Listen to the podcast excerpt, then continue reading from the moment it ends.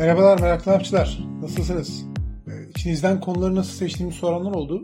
Genelde bir şeyler okudukça ya da izledikçe aldığım notlar arasından seçip hazırlıyorum. Ama bazen gün içinde yaşadığım bir sorgulamada bir hap bilgiye dönüşebiliyor. Örneğin odamda ondan fazla farklı tür saksı çiçek var. Bunlardan zaman zaman sinekler türüyor ve rahatsız ediyorlar. Bazı sinekler de ışığa doğru gidiyorlar ve hatta ölüyorlar. Ben de sordum Allame-i Cihan Google Hazretlerine.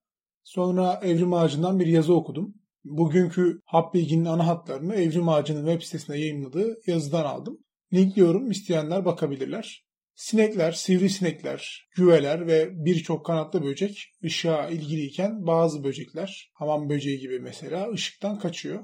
Bu olayın özünde tamamen evrim var. Evrime de geniş bir bölüm ayırmayı düşünüyorum ama Celal Hoca yıllar yıllar önce siyaset meydanında inadına anlamamaya çalışan insanlara ince ince izah ederek anlattığından hiç girmeyebilirim. İzlemediyseniz o programı da izleyin derim. Hatta onu da linkleyeyim bari sizin için. Evrim dedik.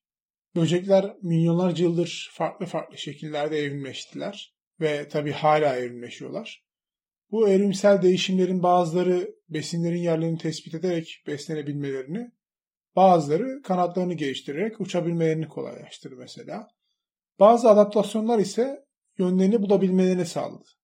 Bu adaptasyonlar güneş, ay ya da yıldızlar gibi doğal ışık kaynakları üzerinden gerçekleştiğinden böcekler sık sık bu ışık kaynaklarına göre kendilerini konumlandırmaya başladılar. Yani bu doğal ışık kaynaklarını başka yapay ışık kaynağı yokken navigasyon olarak kullanıyorlardı. Habire daha kısa rota mevcut deyip de ücretli yola sokan bir navigasyon da değil yani sağlam şaşmazından böyle. Kimi sinekler, böcekler hatta kuşlar bu ışık kaynaklarına yaklaşmak Kimileri bu ışık kaynaklarından uzaklaşmak üzerine evrimleşti. Kimi de mesela aydan ya da güneşten gelen ışığın açısını sabit tutarak aynı yönde uçabilmek üzerine evrimleşti. Şöyle düşünün. Gece yolculuk yapıyorsunuz. Hiç yol yok, ışık yok. Ayda tam çaprazda çok uzakta olduğundan sürekli de sabit tabii hiç değişmiyor. Siz de aynı rotada şaşmadan yolunuza devam edebiliyorsunuz.